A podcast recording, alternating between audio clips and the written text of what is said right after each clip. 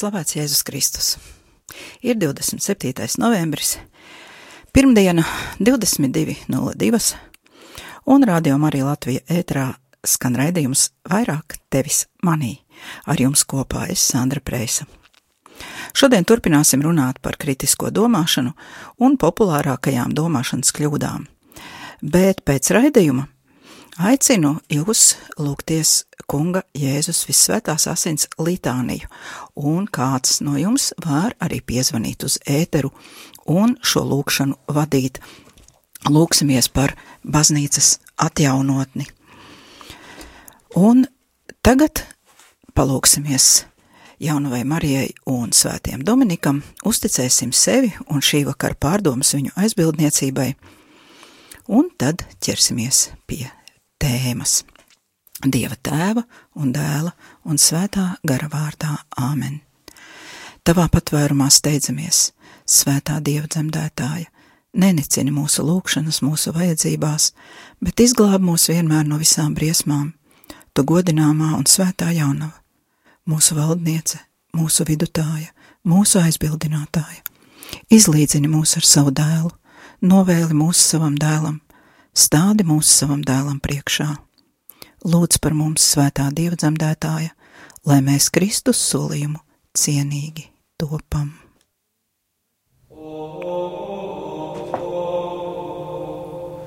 Un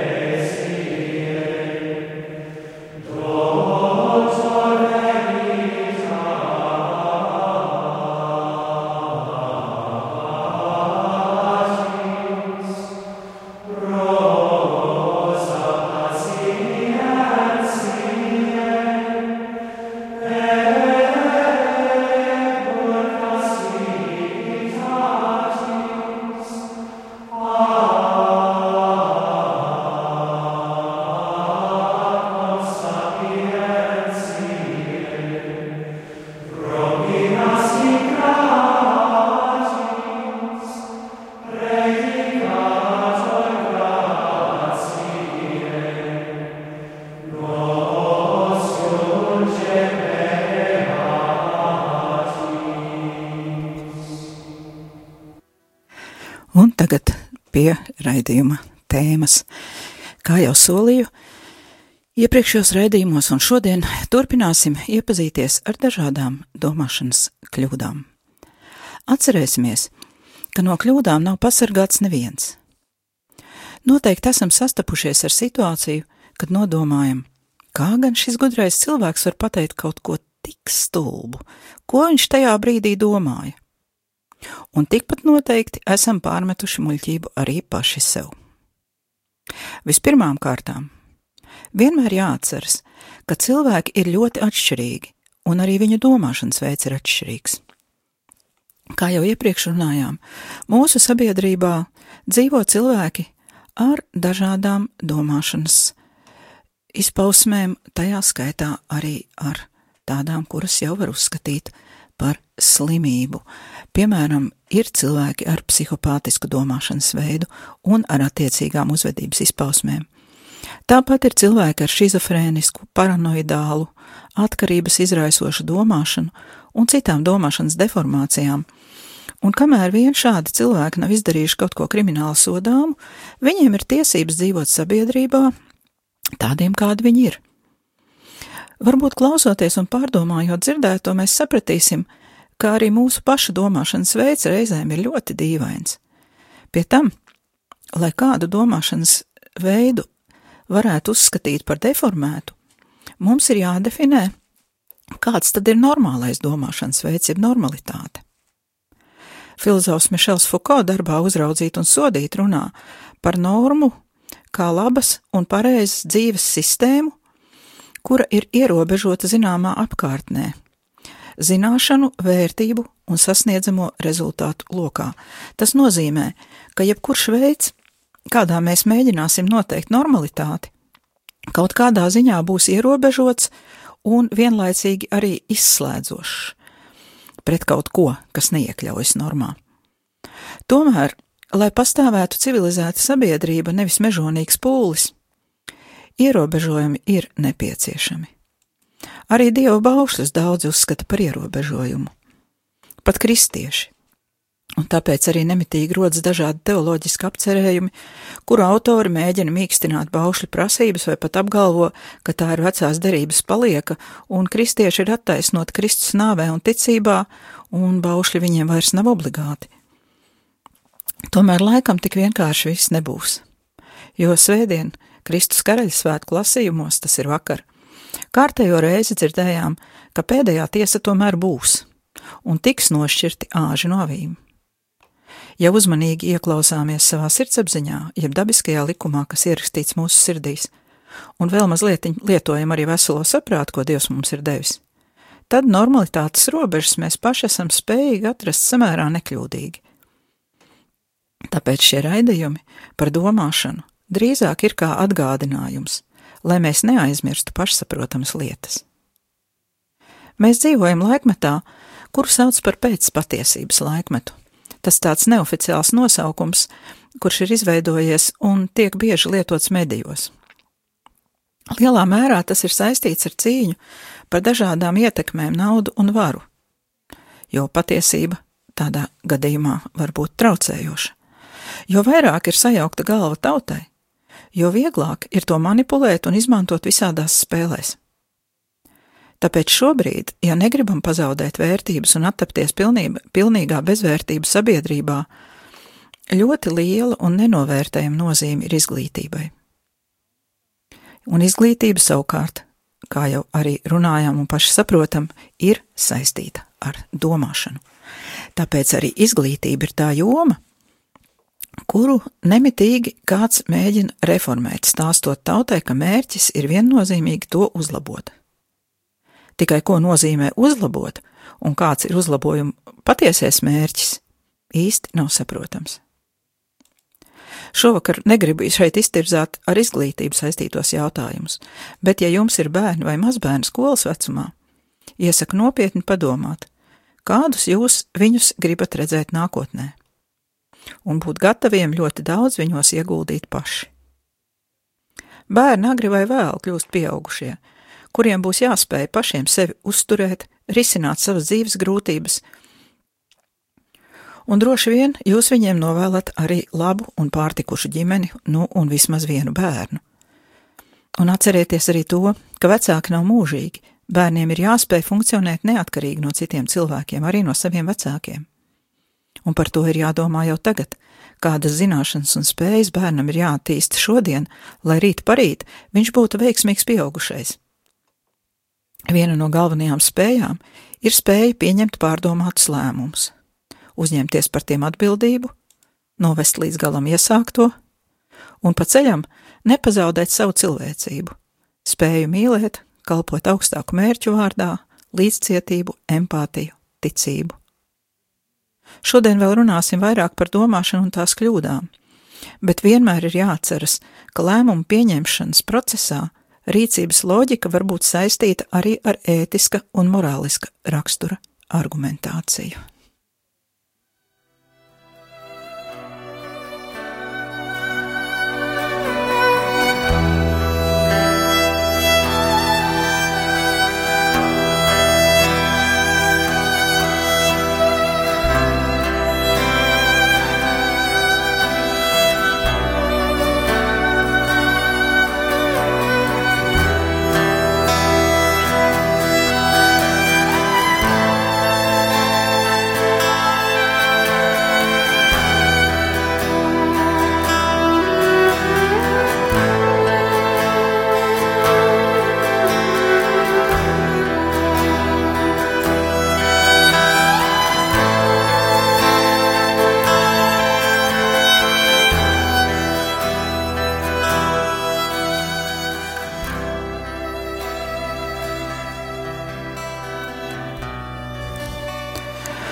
Tagad turpināsim pagājušajā reizē iesākto tēmu par biežākajām kļūdām, un tās bija nepietiekama pamatojuma kļūdas un nebūtiska pamatojuma kļūdas.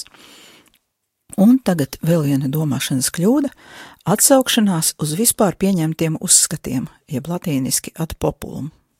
Vienkārši sakot, visi tā domā, tā tad tā tas ir. Vienmēr vai vienmēr ir darīts tā.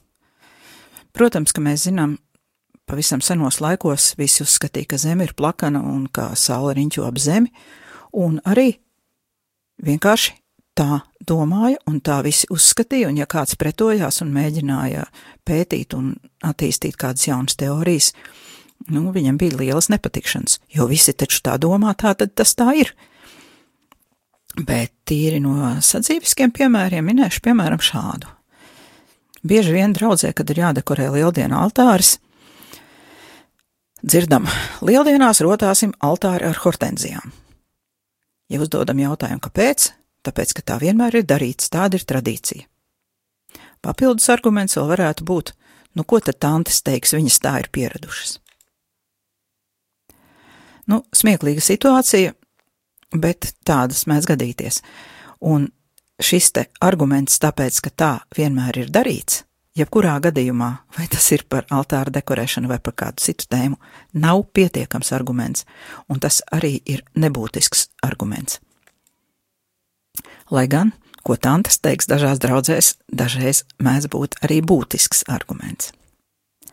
Pietiekams šāds arguments varētu būt, ja ir kāds papildus arguments, piemēram, ja kāds draudzes loceklis ir piedāvājis kā ziedojumu izrotē, izrotāt baznīcu bez maksas, un viņš audzē hortenzijas, tāpēc nav nepieciešamības gādāt citu ziedus.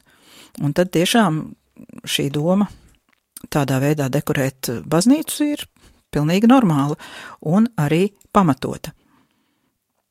Eh, bet, ja ziedi tik un tā ir jāpērk, un neviens netaisās tos ziedot, tad patiešām ir pilnīgi vienalga, vai tās būs rozes, vai hortenzijas, vai kādi citi ziedi, lai tikai būtu skaisti un, un dievgodam. Būtiski šajā gadījumā varētu būt vienīgi budžeta jautājums. Vai atkal gadījums no ģimenes. Puisis vidusskolnieks par brīvlaikā nopelnīto naudu ir nopircis jaunās H&M jeb H&M kolekcijas puķaino uzvalku. Uzģērbs mugurā un taisās iet uz ballīti. Tētis, protams, neliekas nezinis, jo, kā jau vīrietis, viņš tikai paskatās, ka tik dēls apģērbts, bet mamma ir šausmās. Vai tu tiešām taisies iet ārā no mājas šitādā izskatā? Ko padomās kaimiņi ieraugot tevi puķainā kostīmā? Un šeit ir paslēptas pat trīs argumentācijas kļūdas. Pirmais eh, - maldīgais uzskats, ka puķainas bikses nedrīkst vilkt, tāpēc, ka ir pieņemts domāt, ka vīrieši tādas nenēsā. Un šī būtu argumentācijas kļūda, eh, kur tiek izmantot šis vispār pieņemto uzskatu arguments, kurš būtībā nav svarīgs, nav būtisks.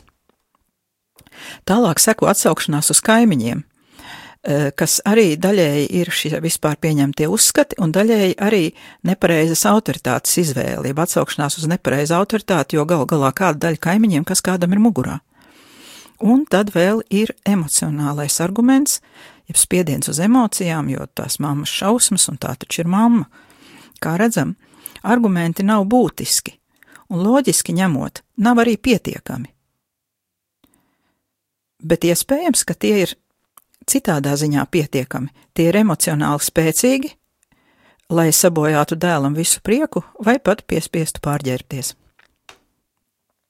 Visticamāk, ka iemesls šādam te skandālam ir vai nu mātes sliktais garastāvoklis, vai nu viņas valdonība un aizspriedumi, vai varbūt, ka zēns šādās drēbēs viņai atgādina kādu nemīlamu radinieku, jo principā jau dēls nedara neko ne pret dieva, ne pret cilvēku likumiem tāpēc mātei nav nopietnu argumentu.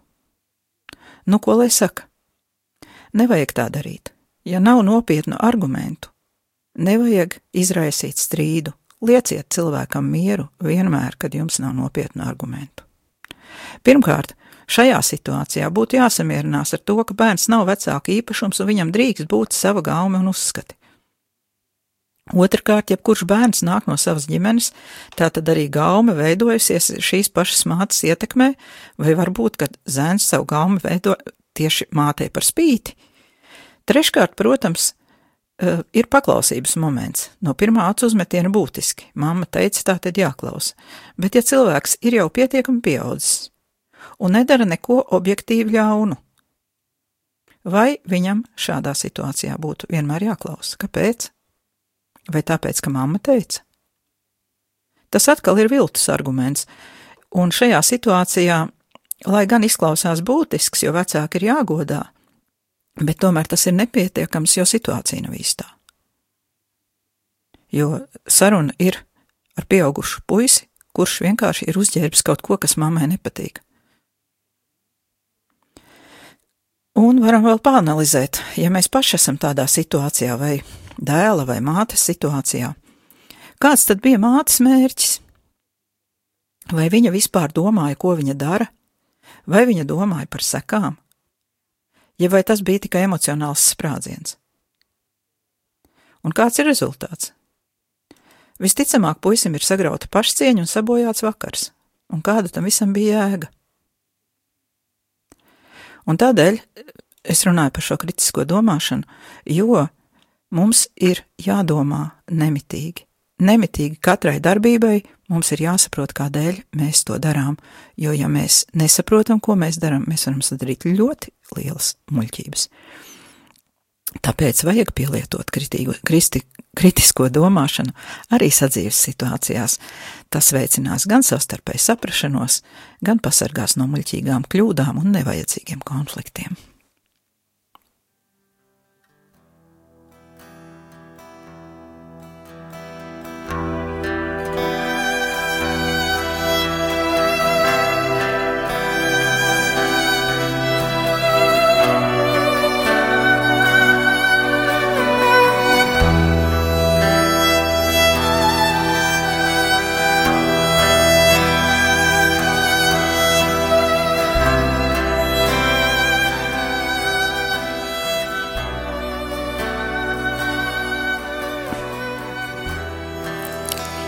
Tagad atgriežamies atkal pie situācijām. Šoreiz būs no medijiem. Kā zinām, ir ļoti populāri šobrīd dažādas viltus ziņas, vai arī, ja tās nav viltus ziņas, tad vienalga tās izmanto kaut kādu emocionālu vai nepierādītu argumentāciju, lai ietekmētu tos, kuri šīs ziņas lasa vai klausās vai skatās. Un viens tāds piemērs. Kāds pazīstams politiķis apgalvo, tiek paziņots, ka ir skolas, kas dod kvalitatīvu izglītību, un ir skolas, kas dod nekvalitatīvu izglītību. Taču tādu jēdzienu nav ne likumā, ne ministru kabineta noteikumos, skaidro politiķis, norādot, ka nav arī kritēriju, pēc kuriem skolas sniegtā izglītība uzskatām par kvalitatīvu vai nekvalitatīvu. Viņš turpina. Tagad moderni ir lietot jēdzienu kompetencēs balstīta izglītība. Mēs lūdzām iepazīstināt arī ar to, taču tāda jēdziena nav. Vērtējums notiek, bet nav ne jēdziena, ne kritēriju. Citāta beigas. Tā kā es nevēlos izraisīt politisku diskusiju, tad politiķu vārdā nesaucu, bet pāanalizēsim šo te tes tekstu tīri teorētiski. Kas ir pamatojums mūsu spriedumam? Tātad tēma mums ir izglītība. Un mēs gribam saprast, vai šajā tekstā ir patiesība vai puspatiesība, vai nemaz nav patiesības, jo ir apgalvojums, ka izglītības reformas pamatā ir ziņojums par to, kā ir skolas, kas sniedz kvalitatīvu izglītību, un ir skolas, kas sniedz izglītību, nekvalitatīvu izglītību taču nav kritērija, ar ko šo kvalitāti noteikt. Kādas varētu būt uh, mūsu reakcijas? Un kas ir pamatojums mūsu spriedumam? Uh, mūsu spriedumam par pamatojumu varētu būt politiķa persona, varētu aktuālā tēma būt politiķa viedoklis. Un kāda tad varētu būt tālākā rīcība, ko mēs, kā mēs apstrādājam šo informāciju? Pirmais variants. Ja es vai kāds cits eh, kas šo informāciju ir noklausījies un simpatizē politiķa, citētā politiķa partijai, tad viņš pieņems teikto par patiesību, jo paļaujas, ka autoritāte zina, ko runā. Respektīvi izdarīs kļūdu, jo uh, autoritāte, kura runā, nav saistīta ar izglītību, un šis politiķis nekad nav strādājis izglītības jomā. Uh, tādā veidā mēs izdarām domāšanas kļūdu, ja mēs uzticamies šim politiķim un viņa spriedumam kā absolūtai patiesībai. Un visticamāk, tādā gadījumā, ja mēs šai informācijai uzticamies kā patiesai, mēs ar to arī dalīsimies un izplatīsim nepatiesību. Otrais gadījums - jā, šis politiķis nav mūsu autoritāte. Bet lasītājs, kurš ir iepazinies ar šo ziņu, ir neapmierināts ar valsti. Viņš ir neapmierināts ar visu, kas šeit notiek, un vispār diezgan pesimistiski noskaņots par Latvijas valsti kā tādu. Viņš neanalizēs izteikumu patiesumu, bet pieņems šo tekstu par patiesu, jo tas apstiprina viņa negatīvo pozīciju un arī visticamāk padalīsies sociālajos tīklos un papildinās šo ziņu ar indīgiem komentāriem. Un kāda kļūda šeit tiek izdarīta, eh, Tā ir vēlmju domāšana. Respektīvi, mēs izdarām kļūdu, tad, ja mēs esam kaut ko ieņēmuši galvā, un visas ziņas, kuras eh, apstiprina to, ko mēs esam iedomājušies, mēs uzskatām par patiesām. Savukārt tās ziņas, kuras neapstiprina vai kur būtu jāiegulda darbs, lai viņas pārbaudītu, tās mēs vienkārši atmetam kā nepatiesas. Un tā tad dzirdam to, ko gribam dzirdēt, bet pēc tam Eh, ja šī ziņa, kā konkrētā, ir tā kā vērsta mazliet pret valsti, pret to, kas notiek valstī ar negatīvu pieskaņu, iznāk, ka mēs faktiski šo ziņu izplatot spēlējam uz ienaidnieku stabulas un papildinām kurnējošās tautas masas. Trešā reakcija, kāda var būt uz šādu ziņu. Cilvēks, kurš vēlas uzzināt patiesību, pārbaudīs, vai tiešām tā ir taisnība, ka nav uzticamu pētījumu un kritēriju, kuros balstoties tiek pieņemti tik tālajoši lēmumi. Iespējams, ka šis cilvēks interesējas par to, jo viņam ir skolas vecuma bērni, un viņam tas ir svarīgi. Tālāk viņš rīkoš, rīkosies savu kompetenci robežās. Vispirms viņš noskaidros, vai šī reforma ir pamatota, un tālāk izējot no ievāktās informācijas, varbūt meklēs bērniem labāku skolu, vedīs pulciņos, mācīs pats, vai varbūt iesaistīsies politikā un kaut ko mēģinās mainīt valsts līmenī, ja viņam būs atbilstošas iespējas. Un šis gadījums jau neietver domāšanas kļūdu. Un vēl ceturtais, visvienkāršākais gadījums, kurš arī neietver domāšanas kļūdu, ir tāds, ka cilvēks ieraugot šādu ziņu, apzināsies, ka šī ziņa nav viņa kompetencēs, ka viņš nekādā veidā ar savu negāciju vai ar savu pozitīvismu vai ar kādu citu reakciju nevar šo jautājumu atrisināt, un viņš savu laiku netērēs lieki, viņš labāk nomazgās mašīnu vai nopļaus zāli. Un vēl viena mediju ziņa, kura šodien un vakar mazliet satrauca katoļus. Tā ziņa tika izplatīta, nu, viņa bija TV neta ziņa, kas tika izplatīta sociālajos tīklos katoļu vidē. Un ziņa ir tāda.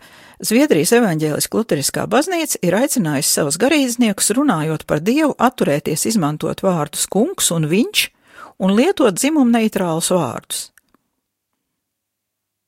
Lēmums par dzimumu neitrālu vārdu lietošanu, runājot par augstāko spēku, tika pieņemts Ceturtdien Upsalā noslēdzoties astoņas dienas ilgajai baznīcas padomas sanāksmei. Padomu, ko veido 251 cilvēks, nolēma, ka izmaiņas stāsies spēkā 20. maijā, kad kristieši atzīmēs vasaras svētkus. Nu, sekoja, protams, ka mūsu katoļu komentāri, kur nu dodās zviedri, prātiņi nāca mājās šausmas, murgs, slimi, Cits piekomentējis, nav tādas vidējās dzimtas daudzās valodās, tad jau tēvu un māti arī vajadzētu saukt neitrālos vārdos, lai neaizvainot kādus plānprātiņus.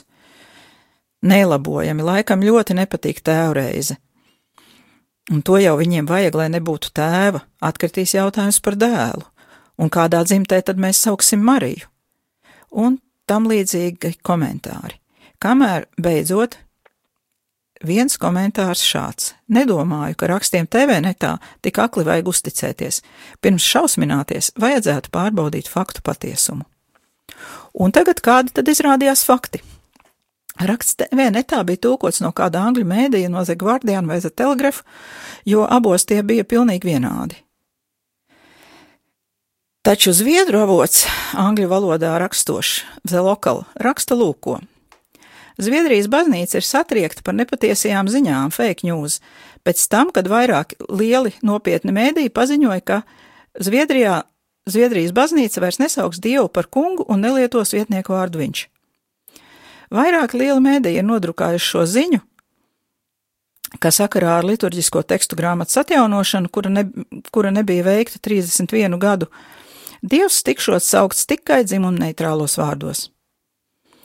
Tā nav taisnība, tāda bija preses sekretāra pirmie vārdi lokāla žurnālistam. Tā nav taisnība, apstiprināja arī Sofija Pedersena Videka, baznīcas liturģiskās komitejas priekšsēdētāja, kura piedalās tekstu labošanā. Patiesībā tika apstiprināti trīs varianti uzrunai dievkalpojuma sākumā. Pirmais - Dieva tēva un dēla un svētā gara vārdā, otrais - tēva un dēla un svētā gara vārdā, un trešais - trīsvienīgā dieva vārdā, no kuriem trešais ir tā kā dzimuma neitrālāks, jo runā tikai par trīsvienīgo dievu, nepiesaucot tēvu un dēlu. Šī komisija atstāja nemainītu jau agrāk pieņemto formu zviedru valodā svēto garu uzrunāt arī sieviešu dzimtē, kā tas bija jau pieņemts 2000. gadā atsaucoties uz ebreju tradīciju. Un jaunajā tekstu variantā patiesībā tikai vienā vietā vārds kungs ir aizstāts ar vārdu dievs, savukārt jaunais dzimuma neitrālais vietnieku vārds hen, kurš, kuru pašlaik mēģina Zviedrijā ieviest mākslīgi, baznīcā netiek lietots vispār. Un tāds, lūk, ir noslēgums šim stāstam par fake news. Nu, protams, rodas jautājums, kam tas bija vajadzīgs. Angļiem visticamāk tāpēc, lai tautas priekšā attaisnot savus valdības lēmumus publiski, piemēram, skolās nelietot vārdus māte un tēvs, bet aizstāt tos ar vārdu vecāks un citas vaiprātības. Un, acīm redzot, viņi gribēja parādīt tautai, ka citās valstīs iet vēl tālāk un redz, kā zviedri ne tikai ģimenē, bet pašam dievam jau pieķērušies. Savukārt, kāpēc Latvijas žurnālisti tūko un publicē nepārbaudot? Nav izslēgts, ka tas vienkārši ir aiz muļķības. Bet muļķība, un it īpaši žurnālistu muļķība, kā jau iepriekš runājām, dažiem ir ļoti izdevīga. Bet šīs dienas pārdomas es vēlētos nobeigt ar dažām pozitīvākām ziņām, kuras ir no pilnīgi ticamiem avotiem. Pirmā ziņa no Vatikāna rādio par to pašu Zviedriju. 8. decembrī tiks konsekrēta jauna baznīca Zviedrijā, Tā atradīsies Sodartaljē un kalpos kaldiešu rita ticīgajiem. Kaldiešu kopiena sastāv no 17 tūkstošiem cilvēku, kas ir aizbēguši no kara Irākā un Sīrijā. Kā teikt Stokholmas diecēs izdotajā notā, kaldiešu katoļi Sodertaljē ir ļoti aktīvi, bet viņiem nav bijis pietiekami lielas telpas, kurā pulcēties uz dievkalpojumiem un uz citām kopienas aktivitātēm. Tāpēc jau 2015. gadā diecēze uzsāka līdzekļu vākšanas kampaņu, lai uzceltu baznīcu un kultūras centru. 2016. gada 17. decembrī tika ielikts jaunās struktūras pamatakmens, un šodien tas kļūst par drošības un tikšanās punktu cilvēkiem, kas ir aizbēguši no kara un vajāšanām. 8. decembrī jauno baznīcu un centru iesvētīs Stokholmas bīskaps kardināls Ander, Anders Arborelius. Uz svinībām ieradīsies daudz viesi, to skaitā ķelnes arhibīskaps, Irākas kaldiešu katoļu patriārhs Marlojas Rafēls, Irākas vēstnieks Zviedrijā, dažādu Zviedrijas reliģisko kopienu pārstāvi, un papildinājums vēl, ka baznīca Zviedrijā šobrīd sastāv apmēram no 116 tūkstošiem reģistrētu ticīgo, bet saskaņā ar Stokholmas diecējas veiktiem pētījumiem katoļu ticīgo skaits šajā zemē ir ap 150 tūkstošiem. Tie pieder dažādām tautībām, valodu grupām, un katoļu draugu skaits Zviedrijā kopā ir 44. Savukārt Beļģijā, Briselē, arī ir izveidojusies sīriešu katoļu draudze, un vakar tajā tika iesvētīts jauns priesteris. Pagaidām draudz baznīcas telpa sīrē, bet ņemot vērā, ka Beļģijā ir daudz tukšu katoļu baznīcu, gan jau arī šī draudze dabūs savējo. Kāds no ticīgiem jauniešiem izteicās, ka varbūt vajāšanas Sīrijā ir tāpēc, lai atzimtu baznīca Eiropā. Kas to lai zina? Ziņas no Beļģijas ir no acu lieciniekiem, no Briseles latviešu katoļiem, kuri arī piedalījās priesteru svētībās. Un tas nav feiks. Bildes, ja dabūšu, varbūt pat ielikšu raidījumu lapā Facebookā, varēsiet paskatīties, kā izskatās sīriešu priestera svētības. Uz šīs priecīgās nots tad arī šovakar beigsim. Nākamajā pirmdienā mēģināsim padomāt vēl. Izskan raidījums vairāk tevis manī. Es Sandra Preisa no jums atvedos un pēc raidījuma gaidu zvanu uz Jēzus asins litānijas lūkšanu.